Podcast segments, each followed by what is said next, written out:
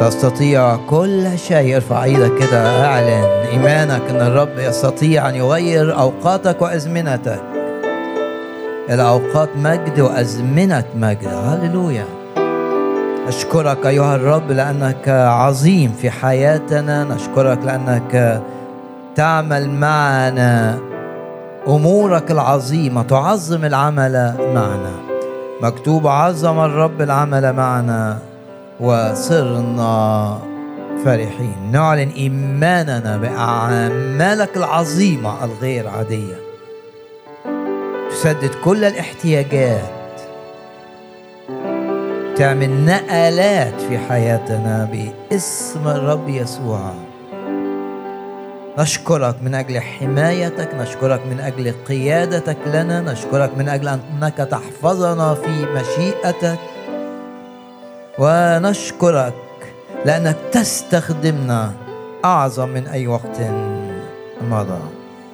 أبونا السماوي نشكرك من أجل هذا الاجتماع. نشكرك لأنك تباركنا فيه لأنك تحدثنا تكلمنا فيه ترفع إيماننا تعطينا وعودا نتمسك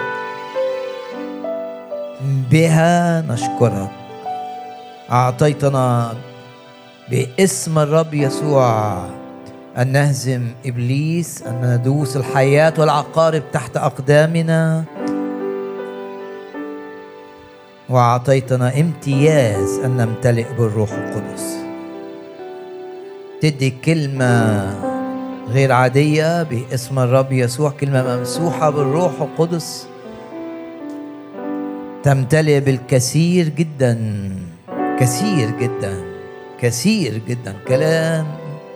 نبوي باسم الرب يسوع وكلام علم وكلام حكمة نشكرك وتؤيد الكلمة في هذا المساء بلمساتك الآيات والعجائب التابعة. نشكرك أيها الرب ونعظم اسمك ونباركك. لن نعود كما أتينا.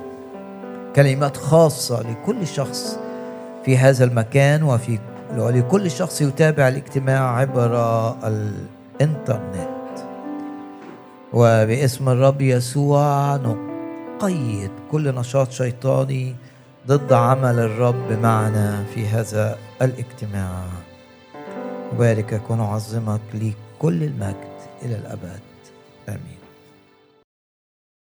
ارفع إيدك كده وآمن إن الرب يعظم العمل معاك في هذا العام وتبقى الرب بيستخدمك بصورة أعظم وأعظم وأعظم وأعظم ولا اكتفاء مع الرب وتختبر أكتر قوة الروح وتوجيه الروح وتأييد الروح القدس ليك لا للإحساس بالإحباط لا للإحساس بالفشل باسم الرب يسوع. الرب يجدد يجدد شبابنا الروحي يجدد شبابنا الجسدي. الرب يعمل معانا أكثر جدا مما نطلب أو نفتكر. ارفع إيدك كده معايا ونعلن باسم الرب يسوع. كل ما يفعله إبليس عشان تبقى محبط عشان تبقى معنوياتك منخفضة كل اللي بيعمله إبليس ضد نفسيتك يكون كالعدم يكون كلا شيء ارفع إيدك كده. باسم الرب يسوع باسم الرب يسوع. معنوياتنا باسم الرب يسوع ترتفع بعمل الروح القدس. باسم الرب يسوع. وانت رافع إيدك اعلن كده إن لا للحزن لا للهم لا للخوف باسم الرب يسوع لا للقيود الشيطانية لا لسيطرة الخطية باسم الرب يسوع. ارفع إيدك كمان واعلن نعم لحياة القوة الروحية نعم لحياة القداسة نعم لحياة السلوك وتدقيق نعم نعم باسم الرب يسوع للحياة التي تمجد الرب باسم الرب يسوع. ونرفع ايدينا مرة كمان نعلن إن عائلاتنا حياتنا العائلية تمجد الرب تجيب مجد للرب باسم الرب يسوع. ونرى في هذا العام أعمال الرب العظيمة ولا سيما في دوائر فيها احتياج لعمل الرب بتدخلات عظيمة. اعلن إيمانك معايا ارفع إيدك واعلن إيمانك باسم الرب يسوع باسم الرب يسوع باسم الرب يسوع باسم الرب يسوع. هنشوف أعمال الرب العظيمة في هذه الدوائر بالذات. عظم الرب العمل معنا. وارفع إيدك كمان ولا أشكرك أيها الرب لأنك تحفظني في مشيئتك أموري مش في إيد الناس أموري مش خاضعه لتغير الظروف. قول كده باسم الرب يسوع. كل أموري في إيدك وأنا بعلن إيماني أنك تحفظني في مشيئتك. وقول جواك كده الرب يقفل بيبان ويفتح بيبان من أجل أن أكون في كامل مشيئة الرب. يحفظك الرب في قداسة في اتضاع عندك مخافة الرب تمتلي بالروح القدس. والرب يسوع يبقى الشخص دائما يظل الشخص الأول في حياتك اللي ليه حبك الأول اللي ليه اهتمامك الأول باسم الرب يسوع. يا رب أشكرك من أجل عمل الروح القدس. ده أول اجتماع في السنة الجديدة ودايما أول اجتماع بنراجع فيه اللي الرب قالهن في يوم رأس السنة. ولو كنت معانا في هذا اليوم كان التأمل في رقم عشرين وببساطة شديدة هتلاقي رقم عشرين مرتبط آه، ممكن تاخده بالمعنى ده بنقلة أو عبور. بتعبر من شيء. زي كده يعقوب بعد عشرين سنة فيها تأديب من الرب وبعد عشرين سنة استخدم فيها الرب لابان عشان آه، يعقوب يتعلم الدرس. بعد عشرين سنة كان تعبان في بيت لابان تعب للخير إيه اللي حدث. لما شاف آه، آه، إيمان زوجته رحيل أعلن هو كمان إيمانه باسم الرب يسوع وتشجع وراح قال للبان اطلقني. لبان مش عايز يسيبه لبان بيستفيد منه. لكن ارفع إيدك كده وأعلن إن فترة لبان تنتهي هذا العام فترة المذلة تنتهي هذا العام فترة الضغط المفيد تنتهي والرب يخرجك من مرحلة لابان إلى مرحلة أرض كنعان. رقم عشرين يعني شفنا إن الباب بتاع خيمة الاجتماع إيه عرضه عشرين ذراع ورقم عشرين في مرور بيعبر من واحد في البرية لواحد دخل أمام المذبح أمام الدم آه، منظر القدس القدس أمام عينيه. نقلة ارفع إيدك كده واعلن إنك تجد هتختبر الروح القدس بطريقة لم تختبرها من قبل تختبر عمل الروح القدس ونقلة نقلة في علاقتك مع الرب من مرحلة صحراء لمرحلة قدس. مرحلة وقلنا إن قدس الأقداس اللي كان في الهيكل كان عشرين في عشرين في عشرين باسم الرب يسوع. نرفع إيدينا نعلن إن إحنا هناخد نقلة في علاقتنا الشخصية مع الرب وتمتعنا بالأقداس السماوية باسم الرب يسوع. لنا ثقة بالدخول إلى الأقداس بدم المسيح باسم الرب يسوع. لن نحرم من التمتع. مش هنتحرم من التمتع بالتواجد في محضر الرب سواء أنت لوحدك مع الرب أو أنت وسط مجموعة وفي الحتة دي أقول مجموعة اختارها الرب لك ولم تختارها أنت لنفسك.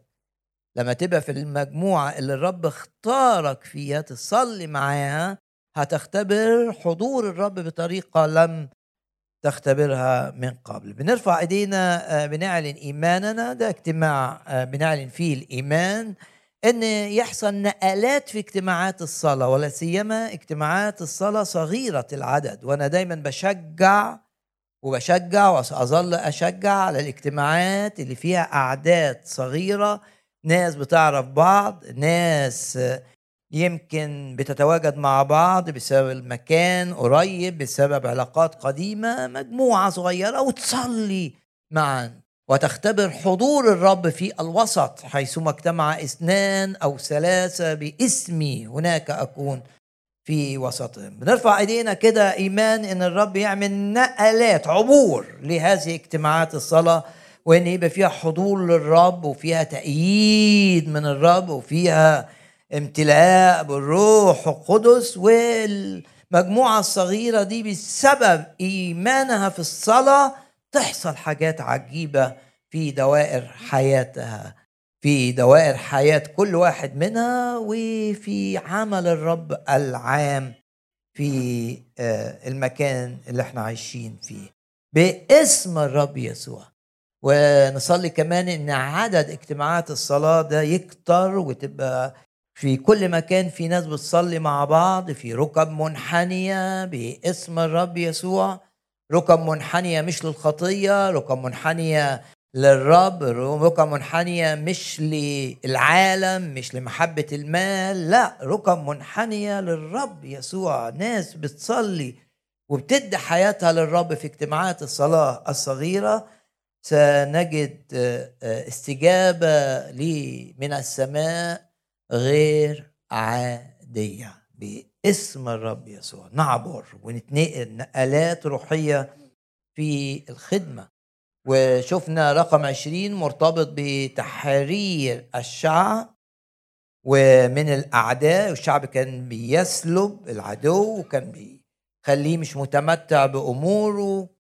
وإلى أن آه، ظهرت دبورة ودبورة ظهرت بعد عشرين سنة في الحالة الصعبة. فرقم عشرين في السنة الجديدة عشرين عشرين. فأنت تعلن إيمانك إن في نهضة تحصل بسبب ظهور أكثر من دبورة في وسطنا ودبورة تمثل الشخص اللي عنده قلب للمؤمنين للناس للخطاة عنده قلب. دبورة يقول كده كل حاجة كانت تحت سيطرة العدو دبورة بتشهد إلى أن الرب عملني أم وسط شعب الرب. ارفع إيدك كده يبقى عندنا أكثر من دبورة دبورة تمثل آه، الأبوة الروحية الأمومة الروحية المحبة الأخوية الروحية الحنان الروحي إنك يبقى عندك أحشاء المسيح ناحية اللي إبليس بيدمرهم واللي إبليس بيحطمهم واللي إبليس بيقيدهم والموجوعين والتعبانين بسبب لعنات متوارثة بسبب قيود. يبقى عندك قلب ناحيتهم لما يبقى عندك القلب ده بس ده قلب لا يتهاون مع الخطية ولا يتهاون مع الشر. لأن دبورة كانت أم لكن في نفس الوقت كانت قاضية. قضيه يعني بتحكم تقول الشر شر. الخير خير. الخطية خطية. النجاسه نجاسة. الكذب كذب لازم أنت تبقى ضد اللي الرب ضده. ضد الكذب ضد الالتواء ضد محبة المال ضد النجاسة ضد محبة العالم ضد إن تبقى ضد كده وتحكم. لما تحكم على نفسك في محضر الرب الأمومة والأبوة اللي الرب عايز يستخدمك فيها ستكون رائعة وتجيب الحرية للكثيرين. باسم الرب يسوع. مرة كمان نعلن إيماننا أن يبقى في وسطينا ناس يحسوا بالآخرين. لما حد يغيب يحسوا بيه لما حد يتألم بيحسوا بيه ولما بيحسوا بيصلوا بيصلوا في الخفاء. ومحبتهم لا تفرح بالاسم. يعني محبة نقية من قلب طاهر. تدين الخطية تدين آآ آآ آآ كل ما هو ضد الروح القدس. لما تبقى عندك المحبة النقية دي وفيك الرب سيصنع الأمومة بتاع الدبورة الأبوة اللي والأخوة سيصنع أمور عجيبة. معنا ارفع إيدك بقى واعلن إيمانك إن الرب يديك يديك من دبوره إنك تحكم على خطاياك إن عصرتك يدك اليمنى زي ما قال الكتاب بكل قوة تحسم الأمر وتقطعها تبقى قوي أمام الشر مفيش مهادنة لكن في نفس الوقت محب للنفوس الضعيفة واللي قيدها إبليس. باسم الرب يسوع كلنا ناخد من شخصية دبورة كلنا ناخد شجاعة آه يعقوب وهو بينهي مرحلة ويبدأ مرحلة تانية ومش خايف من أي شيء. الرب يحررك من كل خوف لا تلتفت يمينا ولا يسارا. يحررك من آه، تأثرك. الناس يقولوا عنك إيه؟ لا مش مهم الناس يقولوا عنك إيه المهم الرب يقول عنك إيه. انت مش هتعيش عبد للناس عايز ترضي الناس. انت هتعيش ترضي الرب. أهم حاجة في حياتك إنك تبقى في انسجام مع الروح القدس في داخلك وتبقى عينيك على الرب. وما يهمك في حياتك أن ترضي الرب لا أن ترضي نفسك ولا أن ترضي الناس. والآية الأساسية اللي كانت الوعد بتاعت هذا العام هي في سفر أشعياء أصحاح آه، تسعة. فرصة إن إحنا نتأمل الجزء ده معا. لا شك إن الجزء ده ليه أبعاد تتعلق بنهاية الأيام لكن إحنا بناخد اللي المعنى اللي فيه اللي ينفع ليك النهاردة. أشعياء أصحاح تسعة رجاء قول للرب أن يكلمك. وأن يحفر كلماته في داخل قلبك لا تنساها. ويبقى عندك أهم حاجة في حياتك الرب في السنة دي أهم حاجة. أهم حاجة أهم حاجة علاقتك بالرب. وأهم حاجة في حياتك الكلمة وأهم حاجة في حياتك خدمة الرب. في أصحاح تسعة أول آية ولكن لا يكون ظلام للتي عليها ضيق. وقبل ما يقول تركيبة الجملة في العربي هي نفسها تركيبة الجملة في الأصل العبري. يعني الوعد قبل ما يتكلم عن الحالة الوحشة يدي الوعد. إيه الوعد؟ لا يكون ظلام للتي عليها اسمع الوعد في الأول شوف الرب مشيئته إيه ناحيتك. إن الرب عايزك مش في آه، ضيقة مدمرة الرب مش عايزك في حزن الرب مش عايزك في هم في قلق. الرب عايزك منتعش. فخد الوعد ده أمامك اولا. لا يكون ظلام فيما بعد. خلاص. مفيش ظلام. ليه؟ لأن آه، الأصحاح بيتكلم عن آه، تدخلات من الرب عظيمة وعجيبة ومدهشه ونرفع إيدينا كده ونعلن إيماننا. نعم آمن بقلبك إن الرب يعمل أمور عظيمة في حياتك ينهي بيها أي أثر لحاجة عملها إبليس معاك. أو أي أثر لحاجة عملها إبليس في ظروفك لا يكون ظلام.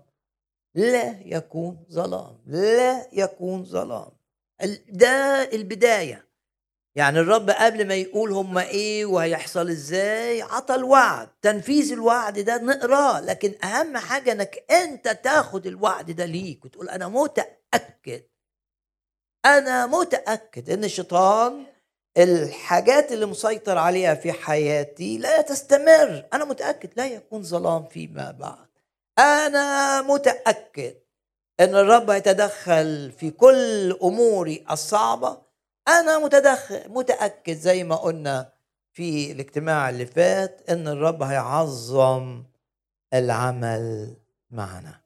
وغمض عينك كده وقول يا رب أشكرك لأنك بتعظم العمل معي. حينما رد الرب سبي صهيون والكلمة زي ما شفناها في سفر أيوب العم الجملة دي يعني لما الرب رد الحالة الحلوة اللي, اللي فقدتها الامتيازات اللي ضاعت الانتعاش اللي كان عندك زمان هيعظم الرب العمل معك ويرد ما سلب منك. ولكن لا يكون ظلام. لا.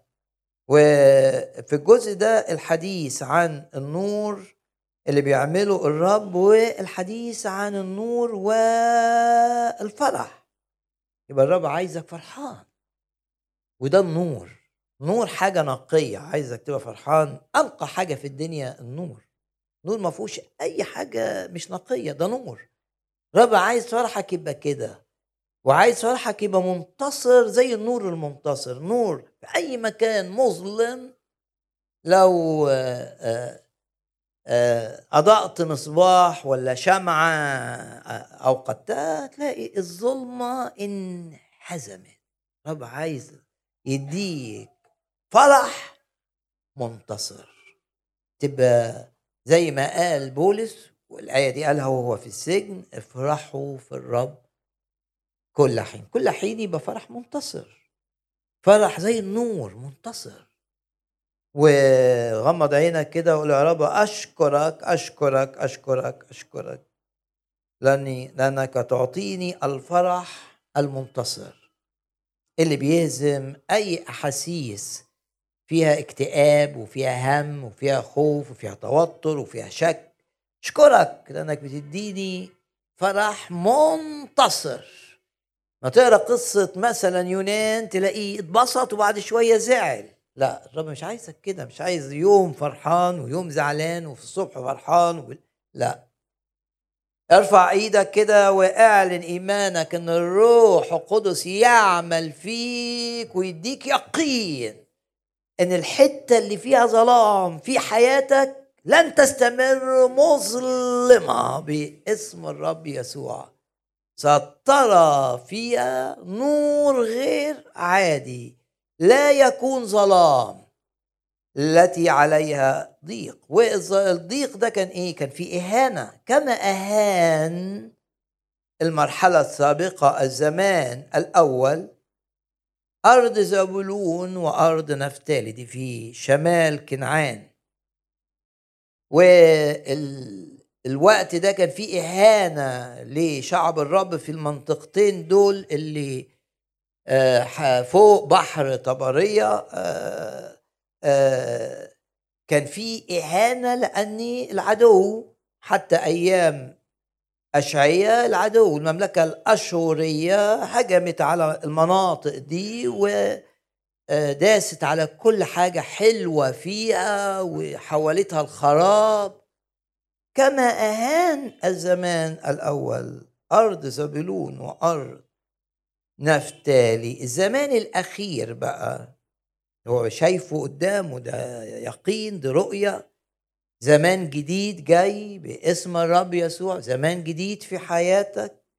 تنتهي فيه الإهانة تنتهي فيه الظلمة تنتهي فيه سيطرة الخطية على حياتك ينتهي فيه طمع إبليس فيك. تنتهي فيه أمراض من الشيطان تنتهي فيه إعاقات من إبليس. آه، مش صدفة إنك أنت بتسمع كلمات من أشعياء تسعة. دي معناها إيه؟ إن الرب بيغير الوقت بيغير الزمان. ودي الآية الشهيرة آه، اللي دايما وكتير بنفتكرها في سفر دانيال أن الرب يغير الأوقات. والأزمنة. زمان الإهانة يتحول إلى زمان المجد وزمان السلب يتحول إلى زمان التعويض وزمان القحط تحول إلى زمان الرغد وزمان الثمر القليل يتحول إلى زمان الثمر الكثير. عبور من زمن إلى زمن عبور من مرحلة إلى مرحلة. بكل تأكيد الرب يغير الأوقات والأزمنة. ولو أنت في زمن في جفاف مرحلة السنة اللي فاتت كنت جاف ومش متمتع ومش مختبر وحاسس إن كلمة الرب دي كلمة نظرية وإني وحاسس إني بصعوبة بتقدر تتمتع بالرب وبتعمل الأمور الروحية لأنها واجب عليك أو لأنك لو ما عملتهاش هتتضايق. لو ده الزمن بتاعك نرفع كلنا إيدينا عشان نقول الرب يغير الأوقات والأزمنة ويدينا أوقات تمتع به أمامك يا رب شبع فرح. ده تمتع شبع. تخدم وأنت منتعش. تتحارب وتقاوم إبليس وأنت فرحان. و نفسك تمشي ميل وواحد وميل اتنين وميل تلاتة وميل أربعة. عندك بقى حب للرب جديد وطاقات جديدة وبتدوس على التعب والهم والكسل. وفرحان بعمل الرب من خلالك. كما أهان الزمان الأول أرض زبولون وأرض نفتالي الزمن ده بقى جاي معاه إكرام مش إهانة. يكرم الزمن الأخير طريق البحر هو برضو أرض نفتالي عبر الأردن جليل الأمم. وجليل الأمم يعني دخل ناس بقى بخطايا الخطايا بتاعت الأمم اللي كانت منتشرة في ذلك الوقت. تأكيدا ننتقل إلى الآية الثانية. يبقى هنا نرفع إيدينا مرة كمان نقول يا رب أنت بتغير حياة الناس وبيا تخلي ناس كتير تتغير وتغيير حقيقي يحصل في حياتنا ومش هنعيش متدينين لا هنشوف قوة الرب فينا. شوف عمل الرب فينا. أنت ما تستصغرش نفسك. انت تمتلئ تصلي كده وتطلب من الرب إن يملاك بالروح وتسيب نفسك للروح القدس يقودك وتغير ناس وتحرر ناس وتشفي ناس وحياتك تبقى لمجد الرب. نرفع إيدينا نعلن إيماننا نعلن إيماننا. الرب يستخدم كل واحد فينا. ما تستصغرش نفس الشيطان عايزك تشوف نفسك صغير قوي. بس انت بالرب كبير قوي مش صغير صغير في نفسك بذاتك لكن تسيب نفسك للرب لن تكون صغيرا. نرفع ايدينا نعلن ايماننا دي سنة عبور من سيطرة صغر النفس والمقارنات والحسابات المنطقية اللي بتعجزنا. لما دبورة بالأمومة بتاعتها شجعت الشعب والرب معانا وهنحرر ناس ما مشيوش ورا. ليه؟ قاعدين يناقشوا قاعدين يفكروا يا ترى دبورة صح يا ترى دبورة غلط؟ والحرب قامت بقى وهي بتحرر الناس وهم قاعدين باسم الرب يسوع. المناقشات والمجادلات اللي بتضيع منا طاقات كثيرة لا تكون هذا العام. باسم الرب يسوع. وبدل ما طاقتنا تروح في المناقشات وانت طاقتنا تبقى لمجد الرب لخدمة الرب ونعلن إيمان الرب يفتح قدام كل واحد فينا بيسمعني سواء كان في الكنيسة أو عبر الإنترنت بيبان فعالة بيبان فعالة بيبان فعالة لربح النفوس. وتقول أنا ليه عايش في الحتة دي؟ ليه الرب ما خلانيش أعيش في بلد في آسيا ولا بلد في أمريكا؟ ليه أنا هنا؟ مش عشان شغلي هنا مش عشان عيلتي هنا لا. أنا تبع الرب. الرب حطني حيث يستخدمني. وصلي معايا إن لا يمر يوم في حياتك لا تكون فيه علاقة. بأي طريقة باستخدام الرب. المجد إن الرب يستخدمك والمجد إن الرب يستخدم اجتماعاتنا معا. مش مليانة مناقشات لا تبقى مليانة إيمان. كلماتنا بتشجع بعض فيها إيمان فيها صلاه فيها تحدي لإبليس فيها رؤية لأسوار أريحة بتقع. حياتنا مع بعض يبقى فيها إيمان. وبدل ما عينيك رايحة على مشاكلك والإعاقات تبقى عينك رايحة على هيحل المشاكل من غير ما تدرى حتى على الرب. أشكرك لأنك تفتح لنا الأبواب اللي تستخدمنا فيها. ممكن واحد يقول لي أنا عايش في حتة ما فيهاش حاجة هعمل إيه؟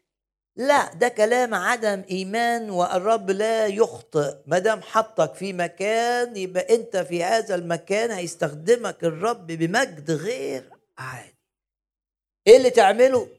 ثق في اللي بتسمعه ده ثق. رغم إنك أنت مش شايف حاجة ثق. وقول كده للرب أنا مش عايز يوم في حياتي يمر ما يكونش ليه علاقة بامتداد ملكوتك. أنا مش عايز يوم واحد في حياتي يمر ما يبقاش ليا في علاقة باللي أنت عايز تعمله بيا واللي عايز تعمله بالناس اللي حواليا. باسم الرب يسوع. أكد لنفسك كده. أكد أكد أكد أكد أكد أكد أكد أكد لنفسك وقول للرب زي ما اشعياء قال له ها أنا ذا ارسلني. لا أريد يا رب أن يكون في حياتي تدين. أنا عايز أمشي بقوة الروح القدس وأتحدى الصعاب وتوجد أراضي كثيرة للامتلاك. هتحط رجلي عليها والرب وعد كل موطئ تدوسه بطون أقدامكم. لكم أعطيته باسم الرب يسوع. نرفع إيدينا ونعلن الحاجات اللي بتاخد طاقتنا وبتاخد وقتنا وبتستنزفنا إيقاف لأي نزيف في حياتنا. مانع استخدام الرب لينا بمجد وبقوة وبثمر غير عادي باسم الرب يسوع. أنتقل إلى الآية الثانية. الشعب السالك في الظلمة بيتخبط بيقع في حفر عنده جهل ظلمة. متأثر بالأمم متاثر بطرق العالم آه، أفكار العالم وسائل العالم. إيه؟ أبصر نورا عظيما. ده عمل إلهي. الجالسون وطبعا تلاقي الآية دي في إنجيل متى ده اللي حدث بالفعل آه، لما الرب كان بيخدم في أرض زبلون وأرض نفتالي. منطقة اللي حوالين آه، بحيرة بحر الجليل أو بحيرة طبرية. الجالسون في أرض ظلال الموت. ظلال الموت آه، تعبير في الكتاب آه، عن عدم الأمان يعني حتت فيها ما فيهاش أمان. ممكن ده يبقى حياتك. عندك حتت كده ما فيهاش أمان مش عارف أنت رايح فين و... طب وأنا اتحطيت وأنا في في ظروف آه ما كنتش شايف الظروف كده واتخذت و... ودخلت في شغل مش عارف عملت إيه آه ملخبطني. الآية دي ليك. لو أنت في آه في أي دايرة في دوائر حياتك ما فيهاش أمان يبقى ده ظلال الموت. بس داود يقول إذا سرت في وادي ظل الموت. لا أخاف شرا الجالسون يعني استريحوا. جلوس في الكتاب المقدس بيتكلم عن واحد مش عايز يتحرك ومش عايز يمشي زي المريض اللي كان أديله 38 سنة. خلاص عجبه الحال وقبل الوضع اللي هو فيه ومش عايز يتغير. لا ما تقبلش ظلمة في حياتك. وما تقبلش إن إبليس يجيب لعنة من الآباء. كانت في عيلتك في آبائك عليك وتبقى قاعد ساكت. ما تقبلش أي طمع للشيطان فيك. ما تقبلش لازم ما تبقاش جالس. أنت تجلس أمام الرب. زي ما داود كده يقول الكتاب وجلس داود أمام الرب عشان يفكر مع الرب. الجالسون في أرض ظلال الموت. إيه الرب سمى دي نعمة غنية؟ إن الرب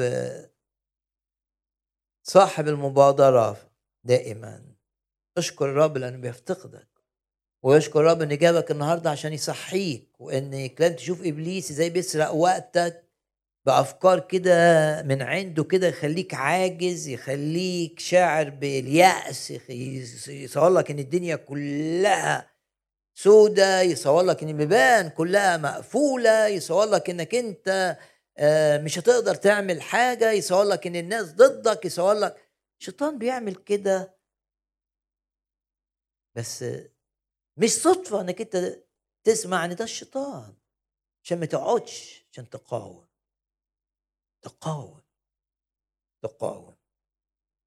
وافتكرت الآية الشهيرة في أفسس ستة. ارفع إيدك كده اعلن إنك أنت مش هتقبل اليأس هتغير الأمور. هتنقل الجبال. مش الكتاب بيقول لك كده هتنقل الجبال.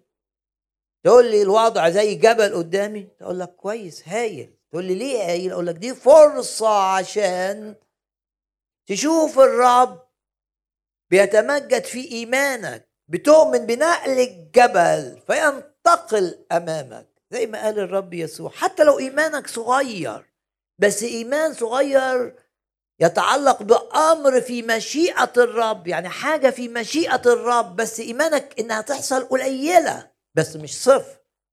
يقول لك كان إيمانك صغير قوي زي الحبة صغيرة. تقول للجبل اللي واقف في سكتك انتقل الجبل سوف يطيعك. لأن الشيطان هيجي يقول لك إيمانك صغير. تقول له مال إيمان الصغير بحاجة في مشيئة الرب يعمل معجزة. تلاميذ لما راحوا صحوا الرب من ال... كان اصول يبقى إيمانهم إن الموجة مش هتغرقهم. ده الإيمان العظيم. وإن يوم زي ما الرب نايم كده هم يشوفوا المية بتملى القارب ويبقوا واثقين إن قارب فيه الرب معاهم حتى لو نايم مش هيغرق. كانش عندهم الإيمان العظيم ده كان عندهم إيمان انهم لو صحوا الرب ده ايمان قليل الرب هيتصرف. بسبب ايمانهم القليل مفيش ولا واحد فيهم غرق. ما ما تستصغرش إيمانك حتى ولو كان صغيرا ودايما وأنت بتصلي كده تقول يا رب أعن عدم إيماني. كل ما يجي الشيطان يقول لك لا أنت ما عندكش إيمان مش ممكن تشفى. تقول يا رب أعن عدم إيماني. يقول لي يجي الشيطان يقول لك لا مشاكلك المالية دي ملهاش حل.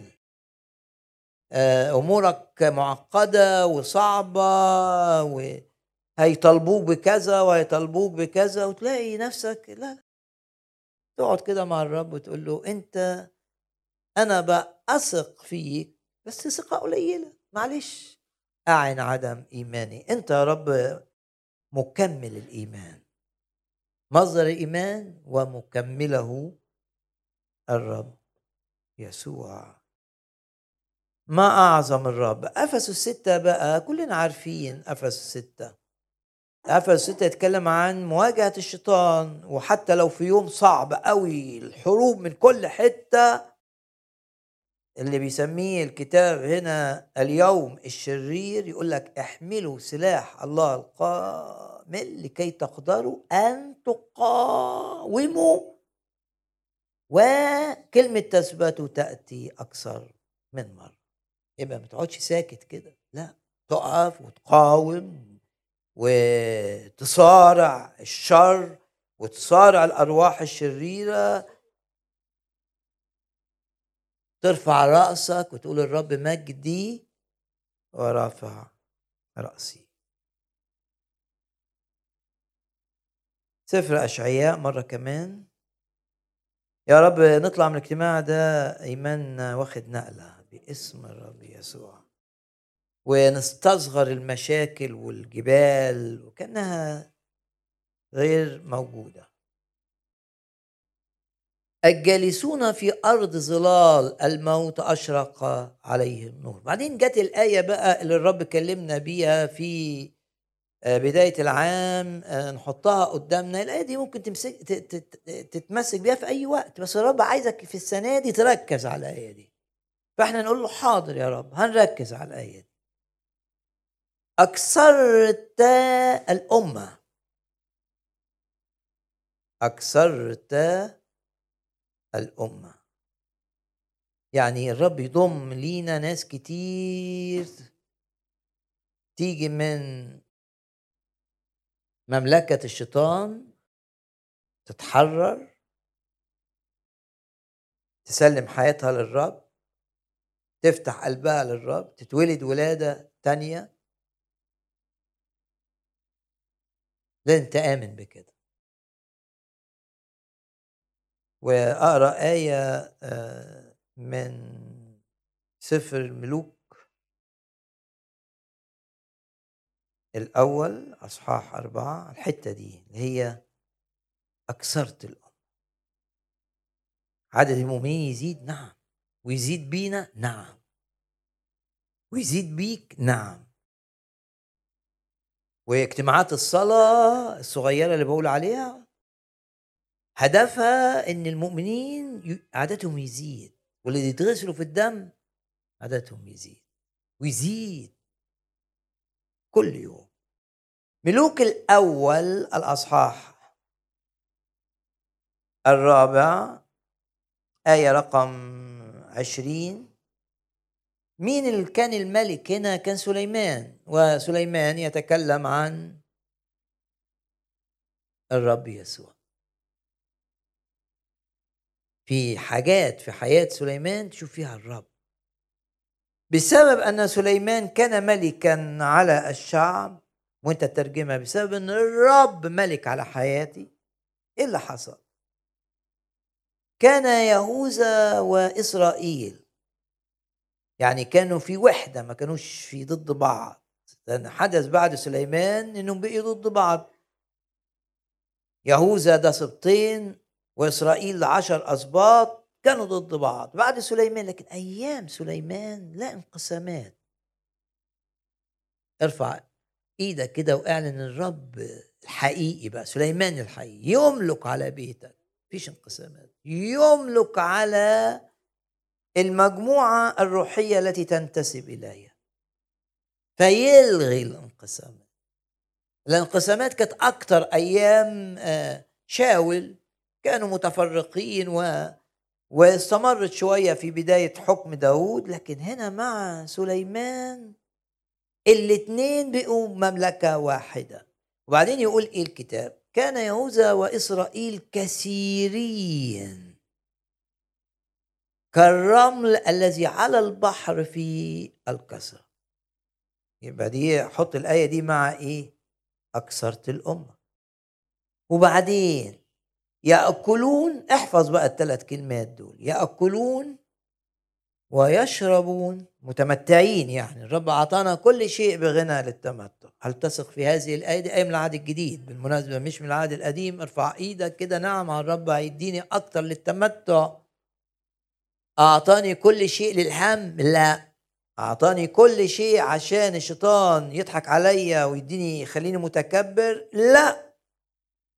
أعطاني كل شيء علشان أفتخر كده وأتعالى على الناس. لا أعطانا كل شيء عشان أخد من إيده وأفرح بيه. إنه بيحبني إنه بيهتم بتسديد أموري كلها. وأقول الرب رعية فلا يعوزني شيء. والكأس اللي الرب بيمليه بيمليه زي ما بيقول الكتاب ويفيض. يقول كده الكتاب يأكلون ويشربون وإيه؟ ثلاث كلمات ويفرحون. باسم الرب يسوع غمض عينك كده وقول العام ده في نقلة. لن يعوزني شيء. وكل حاجة في حياتي مرتبطة بالفرح. في ناس بتاكل وتشرب آه. بس عندها غم. تفتكر حاجات وتحزن وتيجي لها أفكار وضيع عليها بدل ما تتمتع. عندها كل حاجة لكن غير متمتعة. مع سليمان الحقيقي نأكل ونشرب وإيه؟ ونفرح. كانوا يأكلون ويشربون. ده كل الناس اللي بالكسرة ويفرحون. يعني تلخصها كده. لن يعوزهم شيء الرب هيسدد احتياجاتك. لو انت خايف من الناحية المادية لا. الرب مسؤول عنك. الرب مسؤول إنه يسدد احتياجاتك ما تقولش هم. الرب مسؤول إنه يعالج الديون اللي عليه. الرب مسؤول إنه يوقف السلب اللي بيحصل في حياتك. الرب مسؤول إنه يفتح لك الشبابيك بتاعت السماء ليه. الرب مسؤول. انت تروح للرب تقول له انت مسؤول. عشان انت مرتبط معايا بعهد اتفاق انت ملتزم انت شخص. قول للرب كده انت امين واسمك الامين لقبك الامين. انت امين في كل حاجة. فانت امين بانك تسدد احتياجاتي وتبقى تسديد للتمتع تزديد للفرح يأكلون ويشربون وإيه يفرحون. باسم الرب يسوع انتهر كل أرواح حزن مقيدة. أي شخص بيسمعني باسم الرب يسوع ينكسر هذا الهم ينكسر هذا الغم ينكسر هذا النكد تقول إزاي؟ إزاي ينكسر؟ ما فيش حاجة. أنا لا الإيمان ينقل النكد بره البيت. الإيمان يطلع الخوف اللي من قل... اللي في قلبك إلى الخارج. الإيمان. بإيه؟ بإن الرب بيحبك. ومحبته ليك كافية. انها تطلع منك الهم والخوف والاضطراب والشفقة على النفس. أكثرت الأمة. هنا بقى النف... الإيمان بقى. يعني ده أنا بكلم الرب بيقول له أنت بتكترنا وبتكتر كل حاجة حلوة في حياتنا واعلن إيمانك إن البركات اللي في حياتك تزيد ولا تنقص باسم الرب يسوع. وعظمة رحيل إنها أمنت إن يوسف مش النهاية وإن الرب يزيد على يوسف ويكتمل العدد كان العدد ناقص بتاع العيلة. آمن بالإزدياد. آمن معي أن الرب إله الازدياد ويوسف معناه الرب يزيد بيزود البركة بيزود الراحة بيزود الفرح بيزود الثمر باسم الرب يسوع. إبليس العكس إبليس بينقص بينقص بينقص بينقص. إبليس عايزك تعيش أيامك إنها مسلوبة منك. ارفع إيدك كده واعلن ان مشيئة الرب في حياتك تثبت تثبت تثبت تثبت. ومشيئة إبليس تفشل تفشل تفشل.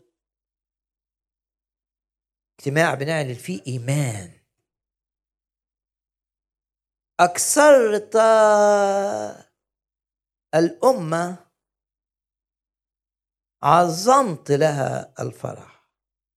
يبقى ده عام إيه؟ عبور. زي ما قلنا في موسى في موسى الباب بتاع الخيمة في دبورة في يعقوب.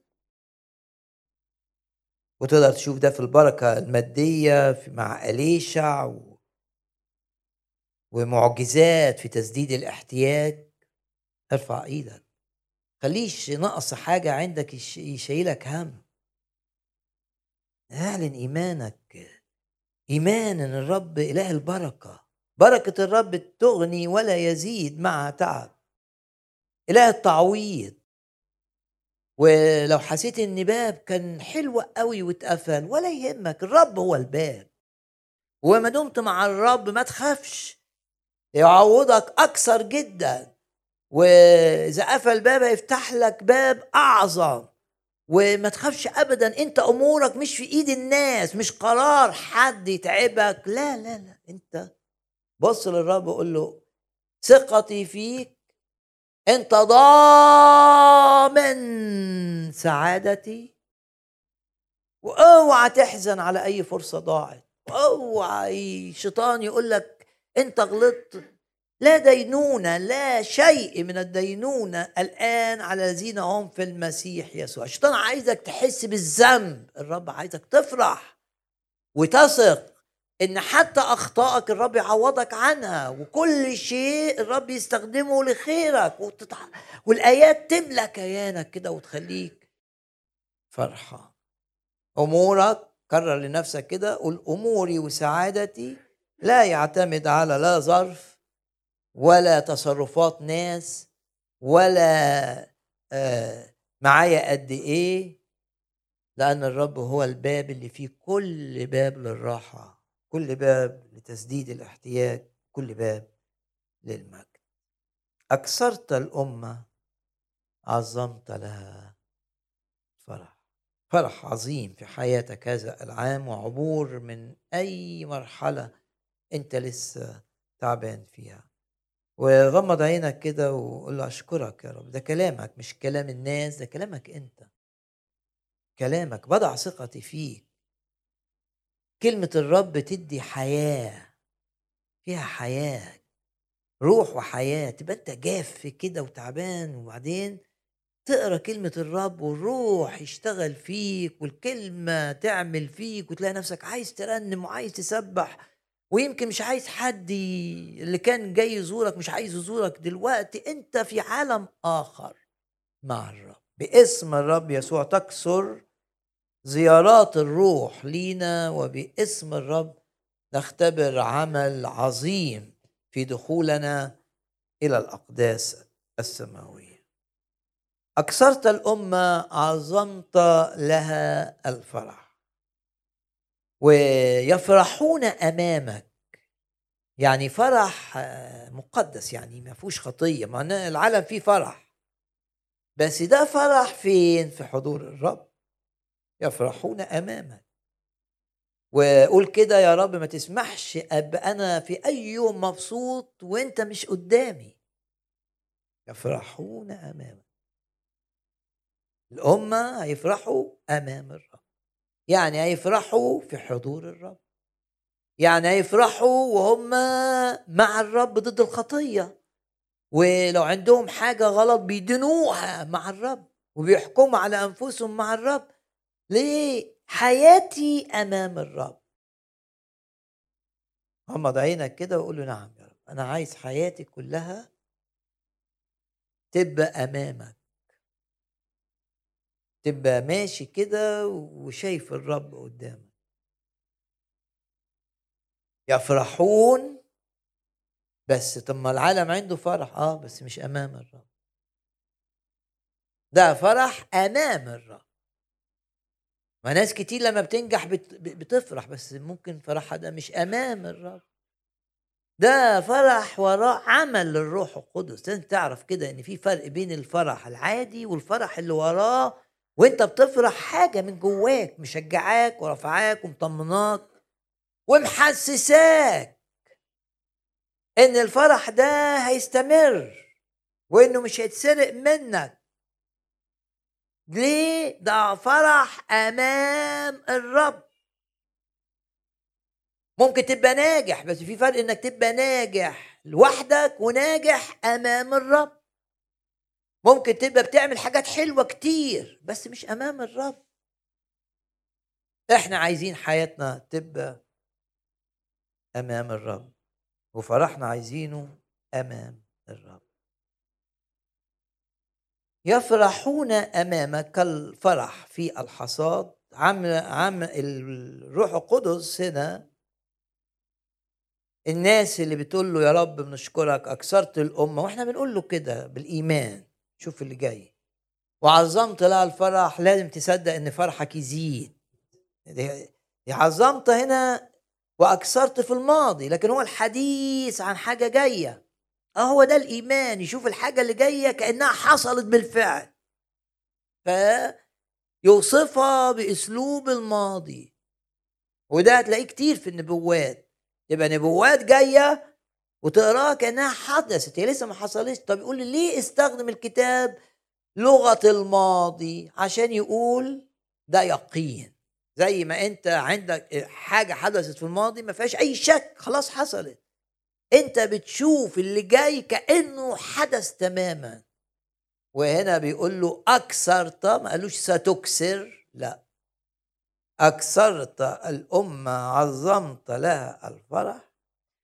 وعطى هنا آه، آه، صورتين آه، للفرح زي الناس اللي بتفرح في الحصاد يبقى اذا ده حصاد إيه؟ كافي. يبقى مش حصاد قليل. ما لو حصاد قليل الناس مش هتفرح الناس هتشيل الهم. فزي الناس اللي بتفرح لأن في حصاد. أنت تقول يا رب آه أنت هتفرحني. لأن دائما سأراك تسدد احتياجاتي بفيض بغنى بتأيدني زي المزارع ده اللي زرع بالدموع كان في مشقة. لأن لما زرعوا بالدموع كانوا زرعوا في الأرض اللي دمرها الأشوريين حوالين مدينة أورشليم و فتعبوا قوي وهم بيمهدوا الأرض وكانوا من التعب بيبكوا من التعب. ليه يحصل لنا كده؟ آه عشان في أسباب لكن الكتاب يقول حصدوا بالابتهاج شافوا مجد في آه، الحصاد. آمن إن تعب الزرع بتاعك لن يفقد وآمن إن نتيجة التعب معاك التعب اللي تعبته بس مع الرب في أي مواجهة في أي خدمة في أي تمسك عشان ما تعملش خطية في مقاومة لإغراء جنسي في مقاومة لإغراء عاطفي في مقاومة للحزن في مقاومة للهم في مقاومة للخوف في عايز تبقى أمين للرب مش عايز تطلع آه، عايز يعني الرب يقدر الزرع بالدموع ويديك حصاد خليك فرحان. الصورة الأولى يفرحون أمامك كالفرح في الحصاد. ده فرح ناس شايفة بركة الرب. مش كده فرحان؟ النتيجة أضعاف اللي زرعوه. آه، ممكن تقعد مع واحد يقعد يقول لك أنا حياتي فيها كذا وكذا وكذا وكذا وكذا وكذا. آه ده المنطق بتاعك. لكن الرب بيقول إيه في الكتاب؟ بيقول إن نتيجة ده تنسيك كل التعب اللي أنت جزت فيه. ده الكتاب. نتيجة.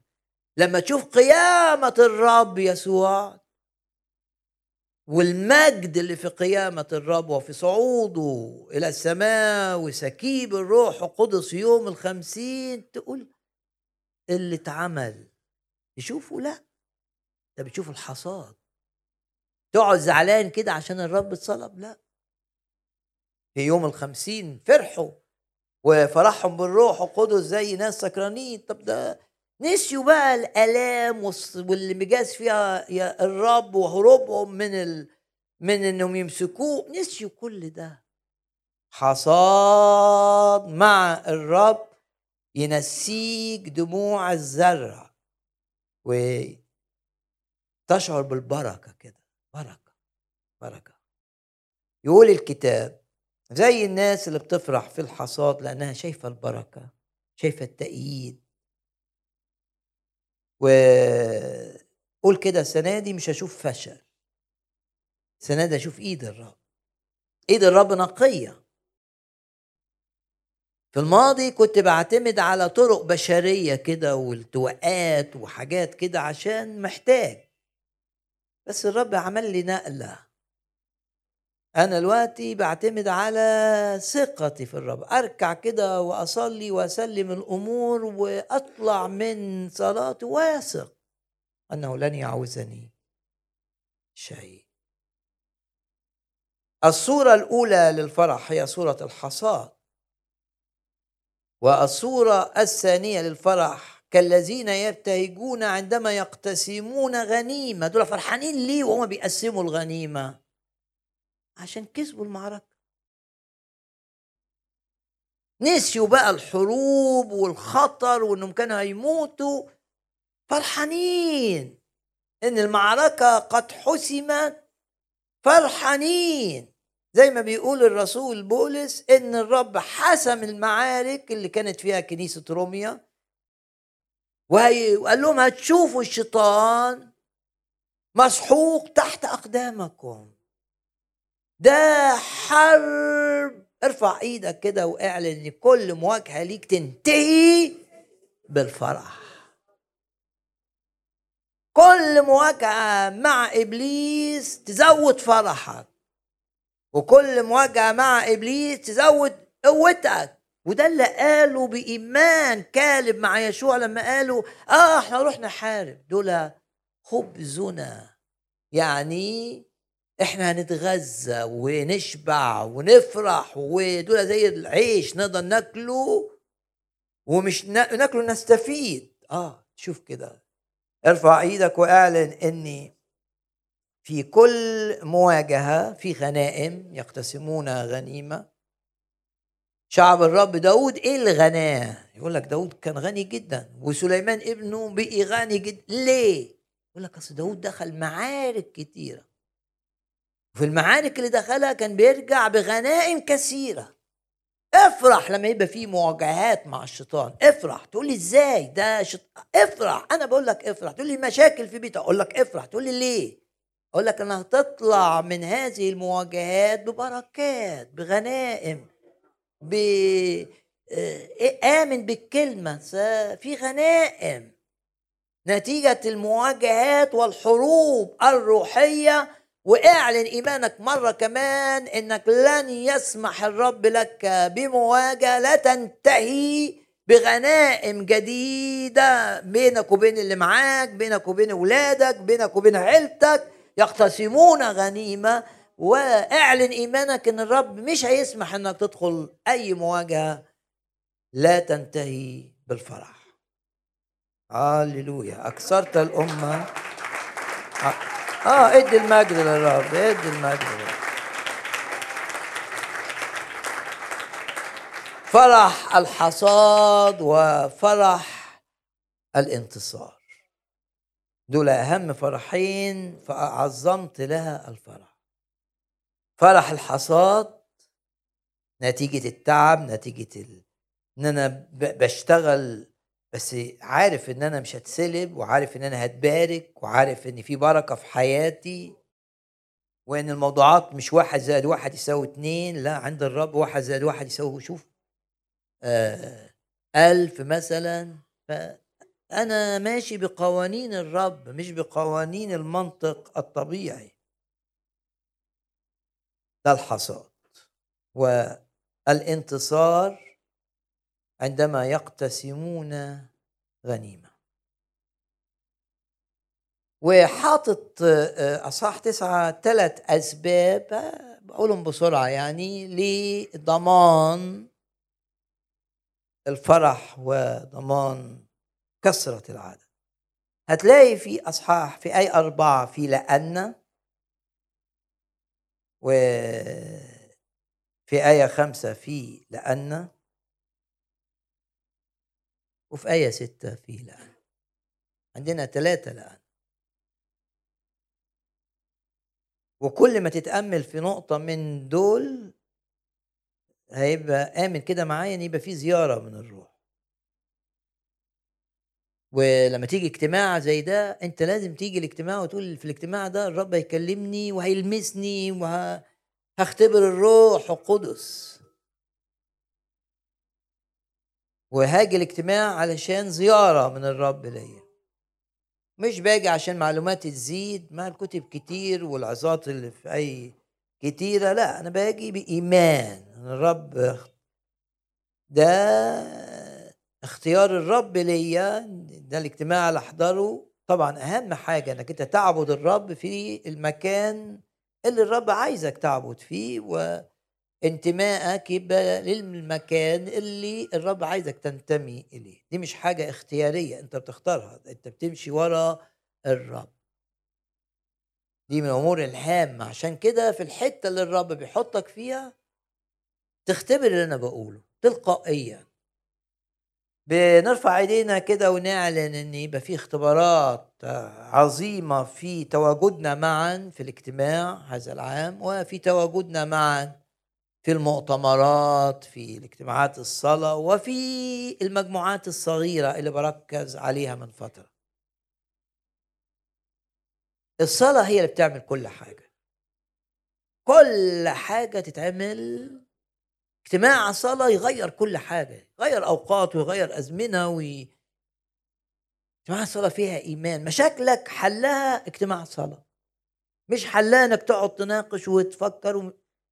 اجتماع الصلاة هيوفر عليك طاقات كتير في الحوار والنقاش. ليه؟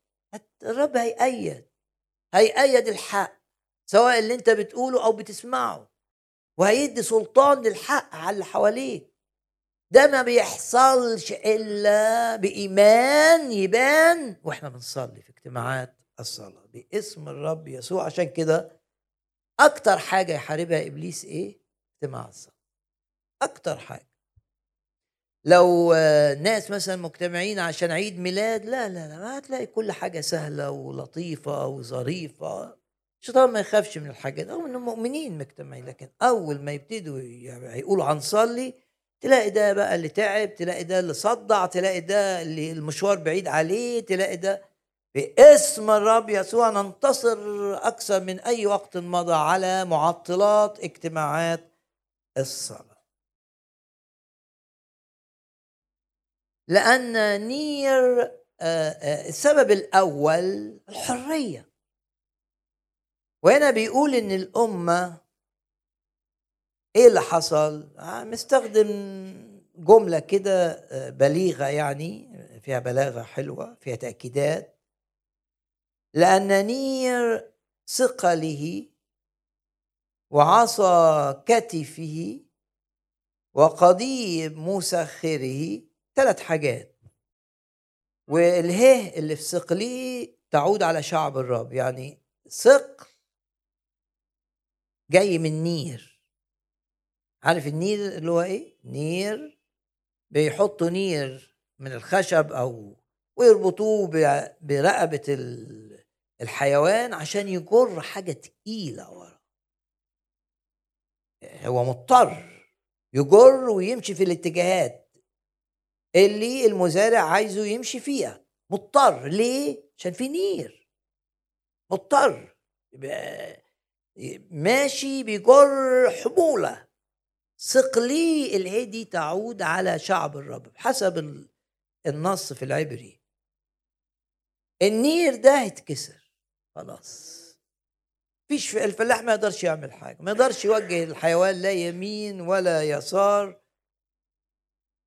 يبقى هنا لأن نير ثقاله يبقى تعلن إيمانك كده. ده إن الرب لو أنت مضطر بسبب أمور شيطانية إنك تجر حمولة أو تشيل حمولة هذا الاضطرار ينتهي باسم الرب يسوع. النير خلاص. وشوف الآية آخرها إيه؟ كسرتهن. يبقى كسر النير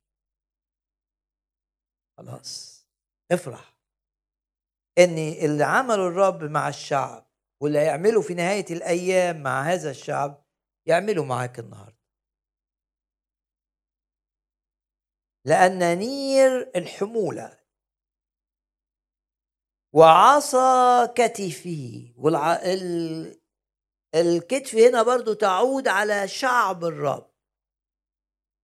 وممكن تحس بالعصاية دي اللي كانوا يشيلوها على الأكتاف إنهم يخلوهم يشيلوا حمولة جامدة قوي بالعصاية دي. يحطوا في ورا العصاية دي حمولة جامدة ف...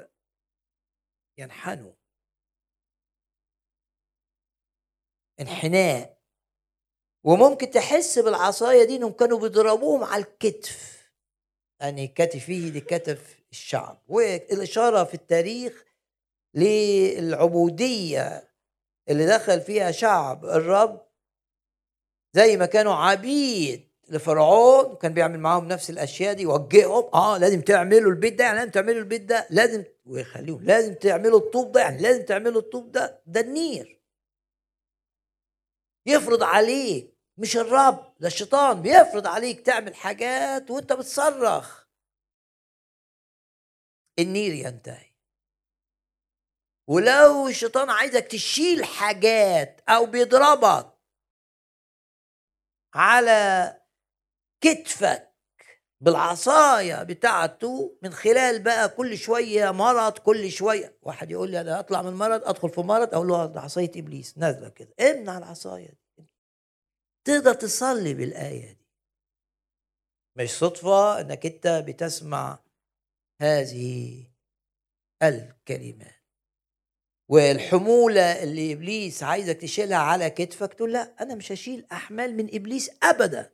اعلن إيمانك. وممكن ناس آه، الشيطان عايزها تخدم بي بي بس مش مش بقيادة إلهية. فيشيلها في الخدمة أحمال مش من الرب. وعشان كده تلاقي شخص مش متعزي. ومضغوط والروح القدس بيحزن الروح أو بيطفي الروح لأني ده مش قيادة الروح ليك دي قيادة بشرية. ارفع إيدك معايا واعلى وانت بتخدم الرب لن تقاد قيادة بشرية. الرب هيتحكم في الناس اللي بيحددوا الدور وبينظموه. لازم يبقى عندك هذا الإيمان تبقى شايف الرب مش فلان. تبقى شايف الرب هو اللي بيحط الأحمال عليك لأنك لو ما شفتش الرب يتحول إلى الحمل اللي بيهري الكتف. باش من الرب لازم تشوف الرب. بكلم كل شخص بيخدم لازم تشوف الرب. ولازم لا تقبل أي أحمال في صلاتك تقول كده يا رب أنا برفض أي أحمال أشيلها كان العصاية كده يحطوا في آخر أحمال عشان يقدروا يشيلوا كتير حاجة من هنا زي الناس اللي بتشوفوهم بيشيلوا حاجات على الكتفين كده بعصاية. آه هنا حمل وهنا حمل وينحني. أرفض قول كده يا رب أنا بمنع إن أي أحمال تجي لي حتى في الخدمة ما تكونش من إيدك. وأنت تتحكم بقى في المسكين الأمور لن أحمل احمالا ليست من الرب. لأن حمل الرب إيه؟ هين خفيف. نيره هين وحمله خفيف. التهديد كان بالقضيب كده يمسكوا حاجة كده زي زي بتاعة الملك كده ويسخروا شعب الرب. آه تعمل كده ولا يحصل لك كده؟ تعمل كده ولا يحصل لك كده؟ تهديدات تهديد العدو. يبقى بنشوف تهديد بنشوف الأحمال الصعبة وبنشوف التوجيه والمسارات اللي من الأشوريين اللي من العدو. لأن نير ثقله وعصا كتفه. والقضيب اللي بالتحديد ممكن آه كتير الشيطان يهددك يهددك بمرض مثلا. بيهدد. عشان تخضع ليه كده عشان تستسلم للخوف عشان تستسلم لليأس عشان تبطل خدمة. شوف الآية جميلة كسرتهن. يبقى الرب بيكسر النير بيكسر العصاية بيكسر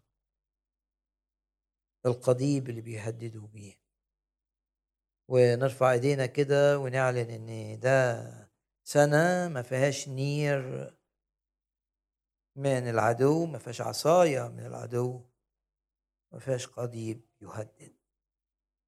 كسرتهن. ده أول سبب وبكمل الحتة كما في يوم مديان مديان يعني إيه؟ يعني بامكانيات قليلة. 300 بس. ولما جدعون جاب له ناس كتير قال له لا دول أكتر عليا أنا عايزك تعيش معايا بالإيمان مش بالمنطق. وبفلوس قليلة معاك تعمل حاجات تعملها فلوس كتيرة. أقدر وإمكانيات ومواهب قليلة تعمل وتجيب ثمر ما يجيبوش ناس عندها إمكانيات ضخمة. بره وجدعون معاه ال 300 لما جاب للرب آلاف قالوا لا لا دكتور عليا أنا عايز أتمجد في العدد القليل. وغمض عينك كده واشكر الرب سيتمجد معك في أمورك القليلة. تقول لي صحتي أقول لك صحتك الضعيفة دي مع الرب مش ضعيفة.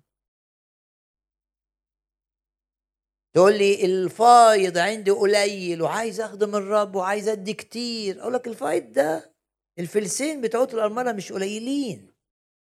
مين قال إن الفلسين الأرملة قليلين؟ كانش الرب مدح إنها قدمت فلسين. إمكانياتك القليلة مع الرب هي إمكانيات عظيمة وعظيمة جدا. و300 بتوع جدعون كانوا كفاية تماما لتحرير الشعب من العبودية اللي استمرت سنين طويلة لمديان. سفر القضاة هنهي بالجزء ده. قال الرب لجدعون إن الشعب الذي معك كثير علي. كان 32 ألف. خلاهم الرب كام؟ 300 وطبعا جدعون ما فهمش. واكيد الشك ابتدى يدخله. لأنه إنسان والإنسان يميل للحسابات. معايا كام؟ مع الرب ما تقولش معايا كام قول معايا الرب نفسه. كام دي مش مهم. لأن ممكن يبقى معاك كتير وكتير ده ما ينفعكش. بس مع الرب خلاص. خمس أرغفة وسمكتين تسدد احتياجات خمسة ألاف عيلة. كان في تلك الليلة يعني شوف الرب بسرعة عايز يشجعه. في تلك الليلة يعني الرب بيحب ان يشجعك. تعال الاجتماع ما لازم تتحط في محضر الرب عشان تسمع الرب عايز يقول لك إيه ما تكسلش. ما تقولش هسمع العظة مسجلة لا لازم تبقى موجود عشان تتمتع بعمل الرب وحضور الرب ولمسات الرب ليك. كان في تلك الليل اللي الرب قال له فيها إيه؟ ال 32 ألف دول اللي أنت جايبهم لي ما ينفعوش. أنا عايز منهم 300 بس. 300 طب ده العدو آلاف. مش مهم. العدو تعداده تقريبا كان 135 ألف. 300 يقضوا على 135 ألف. ده الإنجيل ده الكتاب أردت أو لم ترد. هو ده الكتاب. المقدس ده مقدس كده. مش بيعيشك بالمنطق الطبيعي. لو عايز تعيش بالمنطق الطبيعي لا تقرأ الكتاب المقدس. إنما تقرأ الكتاب المقدس يبقى ده قوانين أخرى. 300 يهزموا 135 ألف. ده ده الكتاب المقدس. طين طين بدل ما يزود المشكلة بتاعت العين يشفي العين. ده الكتاب المقدس. كان في تلك الليلة. أن الرب قال له وسمعتوني بسرعة أكتر من مرة بتأمل وبرضه هقول بسرعة بس بفكرك بالرسالة. قال له قم انزل إلى معسكر العدو. اللي هم المديانيين. وهشجعك مسموح لك تاخد واحد معاك. عشان دايما اتنين أفضل من واحد. وإن كنت خائفا من النزول فانزل أنت وفور غلامك إلى معسكر الأعداء. إيه اللي حدث فنزل هو وفورا رائع رائع. جدعون إنه قال له آه يا رب أنا خايف. ما تخافش إنك تعترف إنك ضعيف قدام ما دام أنت ضد الضعف. خايف قول أنا خايف. إيه المشكلة؟ قول ما عنديش إيمان بس كن صريح مع الرب. ما يعني ما تلبس آه، آه، لبس المتدين أو تتقمص شخصية واحد. انت كن كن أنت.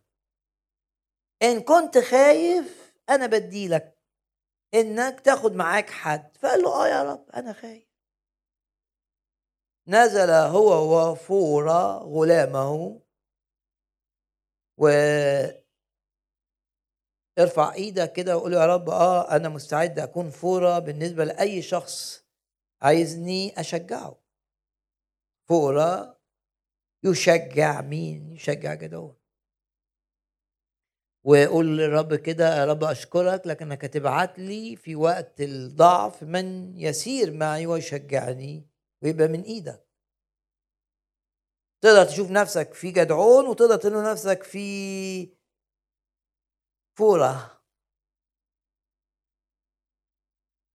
وتسمع ما يتكلمون به. ولما تسمع اللي بيقولوه روح المعسكر في الليل محدش هيشوفك خايف إن محدش يشوفك ممكن تاخد معاك الغلام بتاعك ده عنده إيمان أحيانا يبقى الإيمان في الصغيرين مش في الكبار. والكبير الشخص الكبير يحتاج إلى المؤمن الصغير والمؤمن الصغير في أوقات كثيرة يحتاج إلى المؤمن الكبير. الرب بيستخدم ده لده وده لده. نزل هو وفور غلامه. طبعا دي آه، آية عظيمة جدا. إن القائد يحتاج إلى فوره في هذا الموقف مش في كل المواقف في الموقف ده بالذات. يقول الكتاب لما راحوا المحله كان المديانيين جايبين ناس تاني معاهم جايبين العمالقة وجايبين ناس من بني المشرق.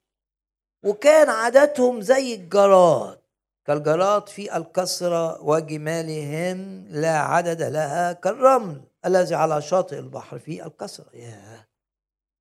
يعني يا رب انت جايبني المحل عشان عشان إيه أتعقد عشان أنا الرسول آجي أشوفهم قليلين. ده أنا جاي لقيتهم كبار قوي كتار قوي الرب بيقول لك ما تبصش للمشكلة بص للرب.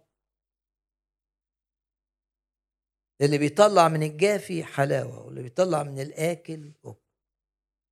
لا تنشغل بالعدد اللي ضدك كان الله معنا فمن لينا جاء جدعون وقف جنب خيمة كده سمع حديث ناس قلقانين. واحد صحي من الحلم بتاعه منزعج جدا وأكيد صح اللي معاه. فإذا رجل يخبر صاحبه بحلم. الرب عايز يشجع آه، جدعون بطريقة آه، بيستخدم الأعداء. الرب بيستخدم أي حاجة عشان تتشجع. في تلك الليلة في تشجيع. مش بس بيستخدم الواعظ لا. رب متغلغل ويجي لك في الشغل ويجي لك في مكالمة تليفونية و... وبتكلم واحد يمكن ملحد وكلامه تلاقي كأن الرب بيشجعك. إيه اللي سمعه؟ آه جدعون إذا رجل يخبر صاحبه بحلم ويقول إذا رغيف خبز شعير مش قمح شعير تمن نص القمح تقريبا في ذلك الوقت. رغيف مش من القمح يعني رغيف ضعيف. وحتى الناس تحس إن ده بتاع الفقراء ضعيف. وممكن الناس يكونوا بيقولوا عليك كده. فقير في الإمكانيات شخصيتك ضعيفة أي حاجة. عيلتك مش مرموقة يهمكش. شخصيات عظيمة في الكتاب المقدس ما كانتش طالعة مش من عيلة. وشخصيات عظيمة في الكتاب المقدس كانت فقيرة. ورغيف خبز الشعير بيمثلنا بيمثلني ويمثلك ويمثلك في دايرة أو أكتر في حياتنا. واحد بيشوف نفسه رغيف شعير لما يفكر في امور الدراسية واحد بيشوف نفسه رغيف شعير لما يفكر في آه، أموره المالية أي حاجة يعني أنت مش مهم أنت إيه. مهم الرب. وإذا رغيف خبز شعير يتدحرج مش خايف من العدد الضخم ده. وماشي وسط الخيام بتاعة المديانيين وجال الخيمة بتاعتي وضربها. ياه! وصل لي أنا يعني أنا مش في أمان. آه أنت من غير الرب مش في أمان. حتى لو كان حواليك ملايين الناس بتحميك. حتى لو عايش في بلد كلها كلها ناس متمكنة من الحماية أنت مش في أمان. أنت في أمان بس لما تبقى مع الرب. الراجل ده وسط الخيام الكتير اللي حواليه مش في أمان.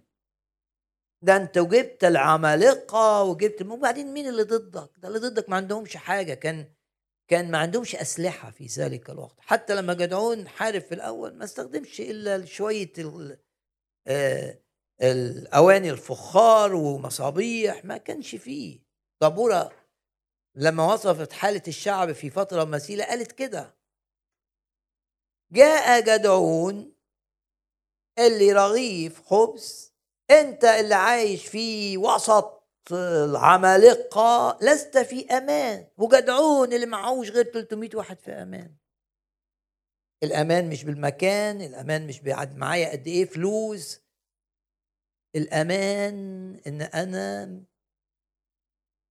الرب في حياتي ومش عايز أعمل أي حاجة بره مشيئته هو ده الأمان. ولو الرب مشيئته إن أنا في أبقى في جب الأسود الأسود هتبقى بالنسبة لي حملان. ولو الرب عايزني أبقى في النار أبقى مش عايز أسيب النار. ليه؟ لأني في النار هشوف الرب. لما طلعوني من النار ما شفتش. هم كانوا شايفين الرب وهم في النار. أنت في أمان حتى لو في النار انك هتشوف الرب. وقول كده للعام ده أنا يا رب مش عايز أختار حاجة. نهائيا. أنا عايز بس أبقى في مشاهد في في أتون النار اللي اتحمى سبع أضعاف مش مشكلة يحموه حتى مليون مرة. هشوفك فيه. والنار مش هتقدر تعمل لي أي حاجة إلا لو في أي حاجة مقيدة النار هتساعد إن الحاجة دي تقع. جاء جدعون فإذا رجل يخبر صاحبه بحلم ويقول له حلمت حلم إن رغيف الشعير وصل لي أنا مش في أمان فعلا. وجاء إلى الخيمة بتاعتي وقصده كده لأنه مفزوع وضربها. رغيف الشعير ضرب الخيمة وعمل لها إيه؟ سقطت واتقلبت. وقلبها إلى فوق وتتكرر الكلمة للتأكيد مرة أخرى فسقطت الخيمة. وبعدين الرب خلى زميله يشرح له ليس ذلك إلا سيف الرجل الضعيف ده. جدعون ليس ذلك إلا سيف جدعون. رجل إسرائيل قد دفع الله إلى يده المديانين وكل الجيش. عشان كده يقول لك كما في مديان. وغمض عينك كده واشكر الرب من أجل رسالته. إعادة للرب قاله لنا في بداية العام. نتملي بكلمة الرب. نتخلى عن أفكارنا. تخلى عن أفكارك رجاء. وامتلي بفكر الرب. وقول له حط إيدك على راسك كده وقول له يا رب أي فكرة هنا مش منك شيلها شيلها شيلها, شيلها. شيل مني العناد وشيل مني ثقة في نفسي أنا عايز أثق فيك لأن نير ثقله وعصا كتفه وقطيب مسخر كسرتهن زي ما حدث في يوم مديان لما رغيف الشعير سحق خيمة الأعداء.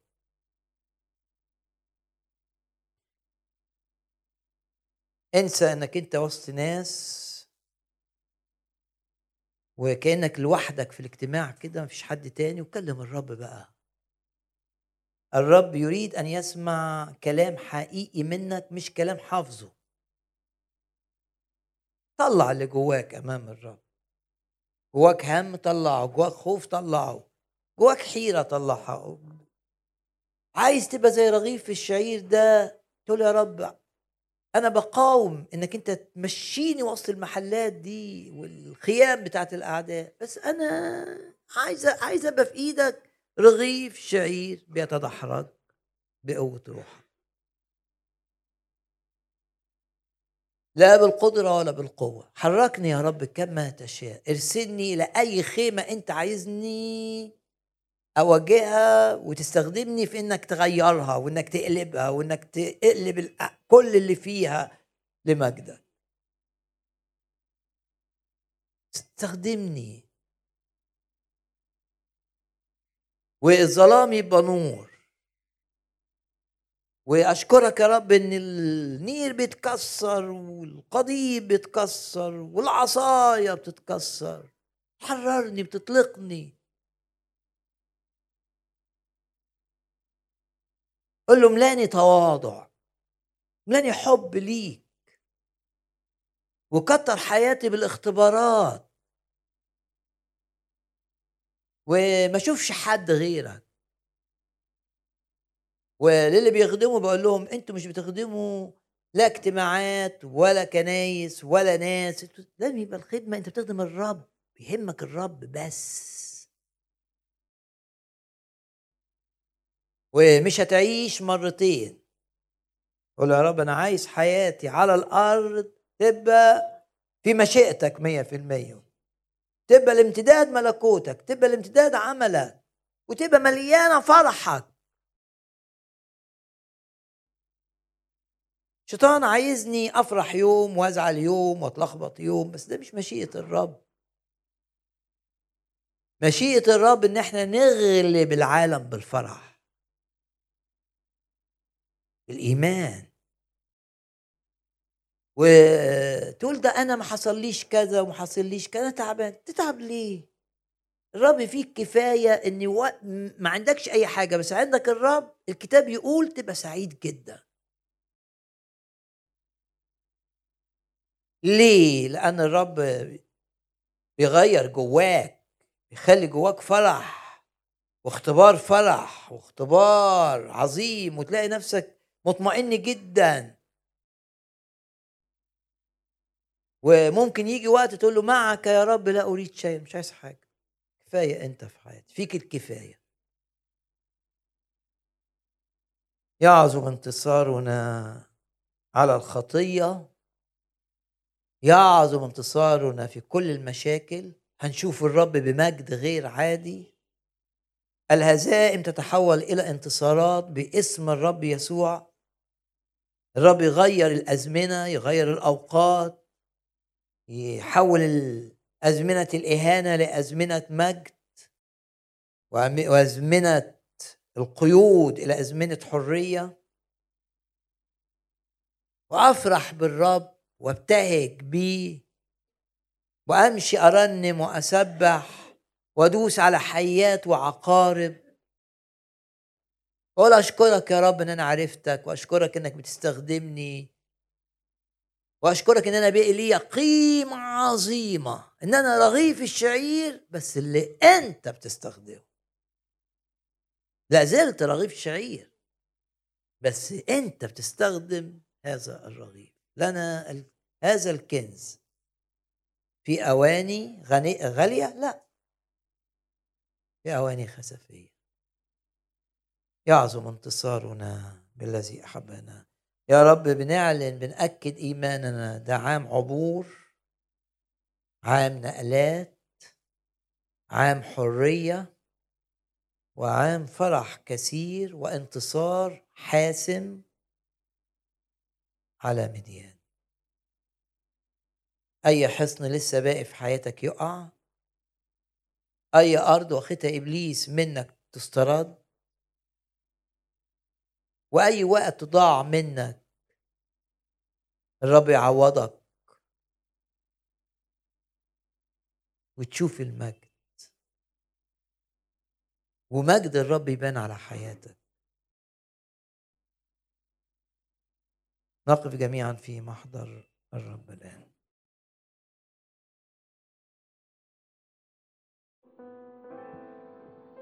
تشفي برحمة القلوب. وتشدد عزم الضعاف وسنين أكلها الجرار أتعوض عنها أضعاف. سنين أكلها الجرار أتعوض عنها أضعاف. وتعود وتدي جمال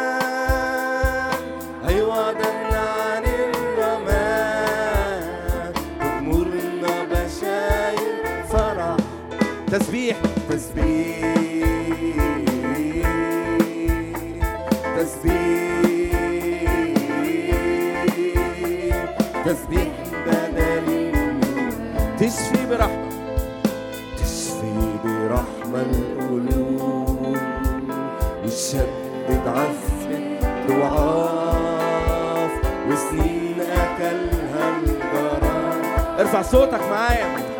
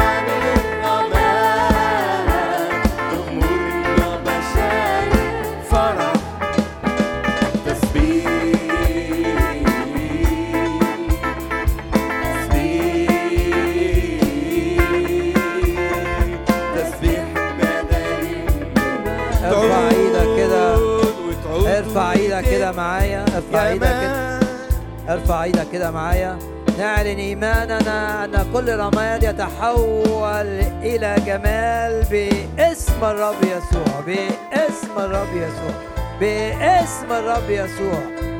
كل رماد يتحول إلى جمال باسم الرب يسوع. ادوا المجد للرب الآن. تعود وتدي جمال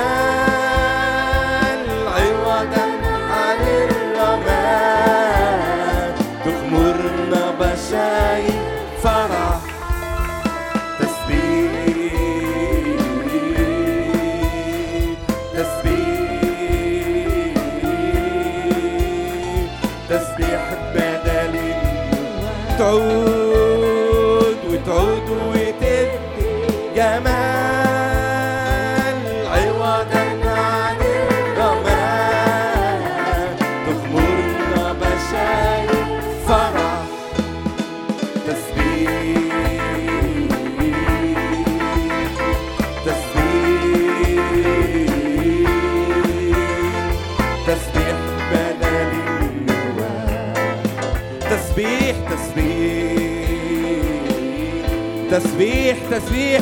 تسبيح تسبيح بدني.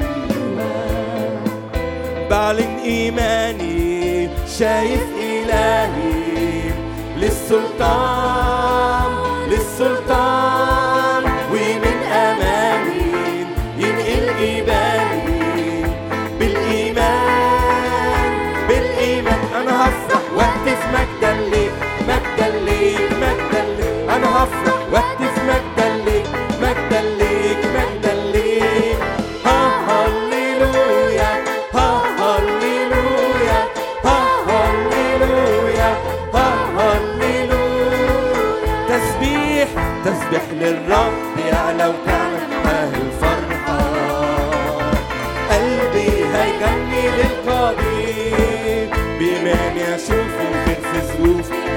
sabah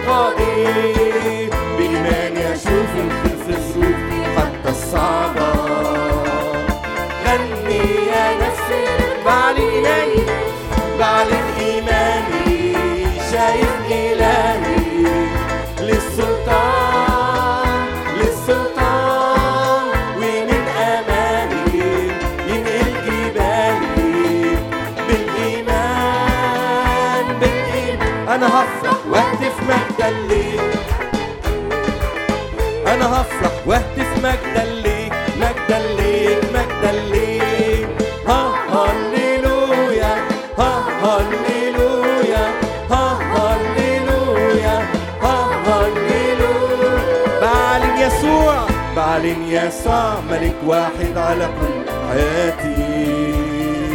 قلبي هيغني للمسيح وبصوت الحمد رح أشهد تثبت صلاتي. غني يا نفسي للمسيح عمري وحياتي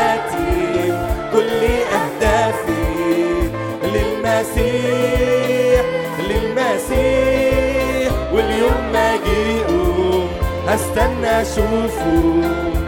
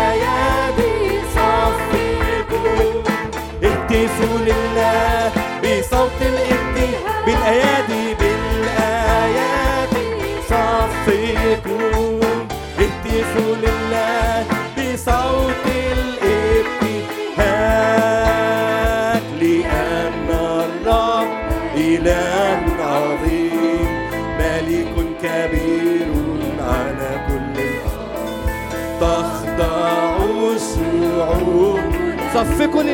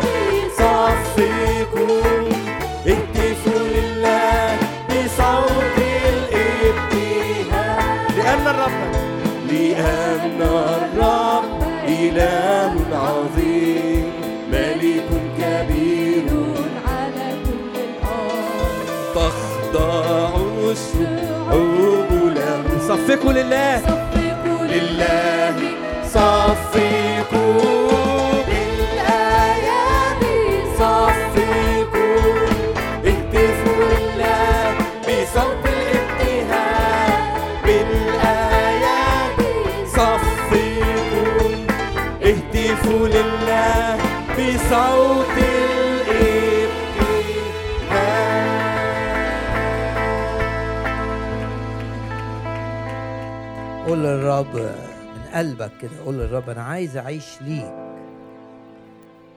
افتح قلبك كده الرب مش عايز أعيش شخص عالمي شخص متدين. عايز أعيش ليك وعايز أختبرك. دم الرب يسوع يطهر من كل خطية. اغسلنا يا رب اغسل رجلينا.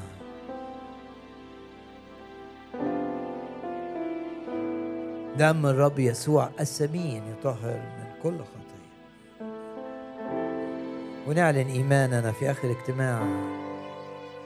ان إحنا مغسولين بالدم. مبررين بالدم. في العهد الجديد بسبب إيماننا بالدم. فيش لعنات على حياتنا بسبب إيماننا بالدم. فيش قيد يبقى. بسبب إيماننا بالدم.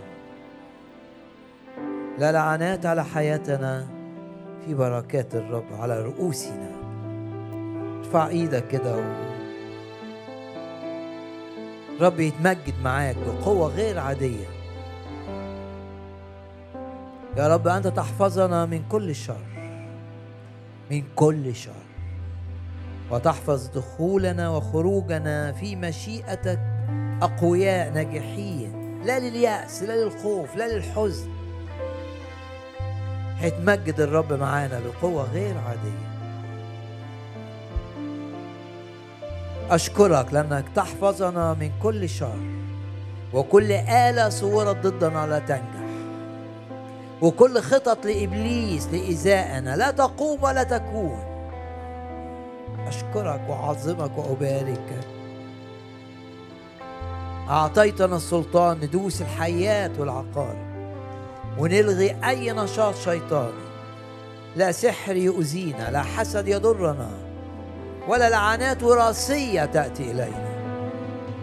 أعظم من منتصرين على الشر على روح العالم على الطمع على محبة المال على النجاسة على الخوف على الهم. يعظم يعظم يعظم انتصار. أشكرك لأنك تتحكم في كل الذين هم في منصب. من أجلنا تتحكم فيهم من أجلنا. تتحكم في الملوك في الرؤساء في كل الذين هم في منصب. تتحكم فيهم من أجل سلامتنا من أجل نجاحنا من أجل استمرار خدمتنا ليك بمجد وبثمر أضعاف الماضي. هللويا. من مثلنا شعب منصور بالرب. ملايكة بتخدمنا. ملايكة بتسهل أمورنا. ملايكة بتحفظنا في وقت الخطر. لأنه تعلق بي أنجيه. أرفعه لأنه عرف اسمي. هللويا. صلي من أجل عيلتك. لو أب صلي من أجل أولادك لو أم صلي من أجل أولادك. ونعلن بركة لبيوتنا. بركة مش لعنة بركة باسم الرب يسوع. بركة لبيوتنا. ولو الرب حط قدامك أي شخص دلوقتي صلي من أجله بثقة. صلي كمان من أجل الكنيسة اللي إحنا مجتمعين فيها. الراعي الخدام الاجتماعات. يا رب أنت عظيم في حياتنا. أنت ضامن مستقبلنا. إن سرت في أي حاجة لا أخاف شرا لأنك أنت معي. إله التعويض إله الشفاء. لو مريض ولا يهمك. يسوع المسيح هو طبيبك يشفيك يسوع المسيح. ارمي الخوف براك ارمي الهم على صحتك براك. تمسك بأن الرب مسؤول عن سلامتك ويعظم العمل معك. في مشاكل في بيتك ولا يهمك قول الرب يتحكم في الأمور لأنه بيحبني. الآن إلى الترنيمة الأخيرة في الاجتماع. ليك المجد والكرامة والبهاء ليك علامة سلطانك بيحرر. ليك القوة والجلال بشر أبرع جمال نعمتك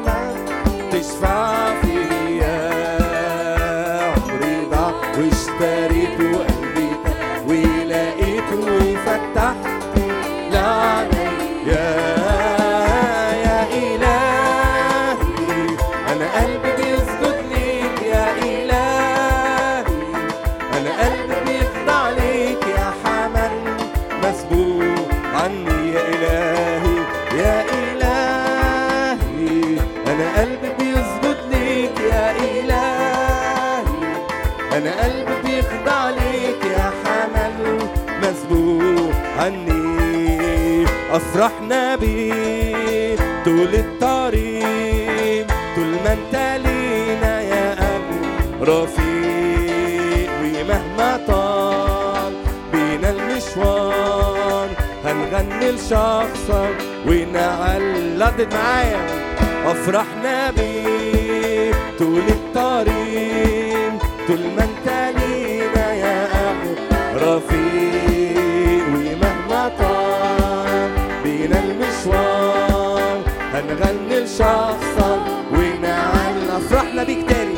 أفرحنا بيك طول الطريق طول ما أنت لينا يا أبو رفيق. ومهما طال بينا المشوار هنغني لشخصك ونعلم أفرحنا تاني أفرحنا بيك طول الطريق طول ما أنت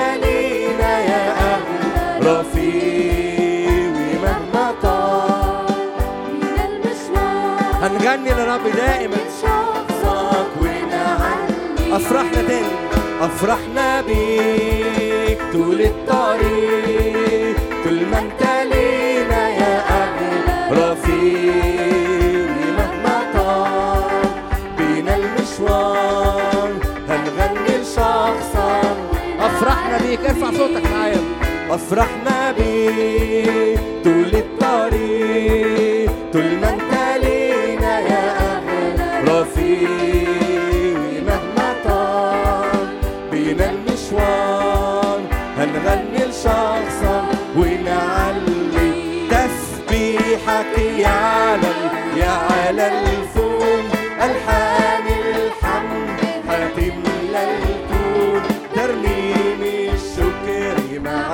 هيدوم ملكك لحياتنا أكيد مضمون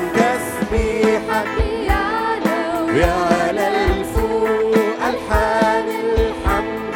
هتملى الكون الشكر معك.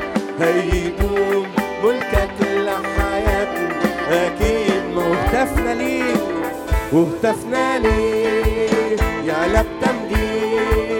نرفع ونقدم ليك أناشيد ده حياتنا معاك نجدد دون ضامنينها نحقق بيك. ما وهتفنا ليك وهتفنا ليك. يا يعلى بتمجيد نرفع ونقدم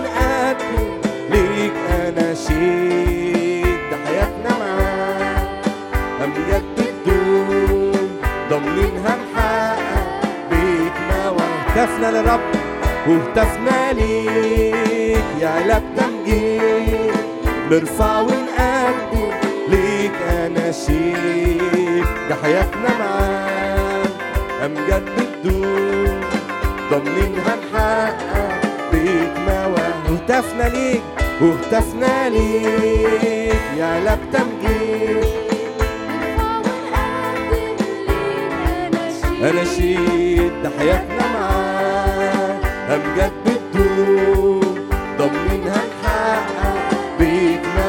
مواهب هتفنا ليك وهتفنا ليك. يعلى بتمجيد نرفع ونقدم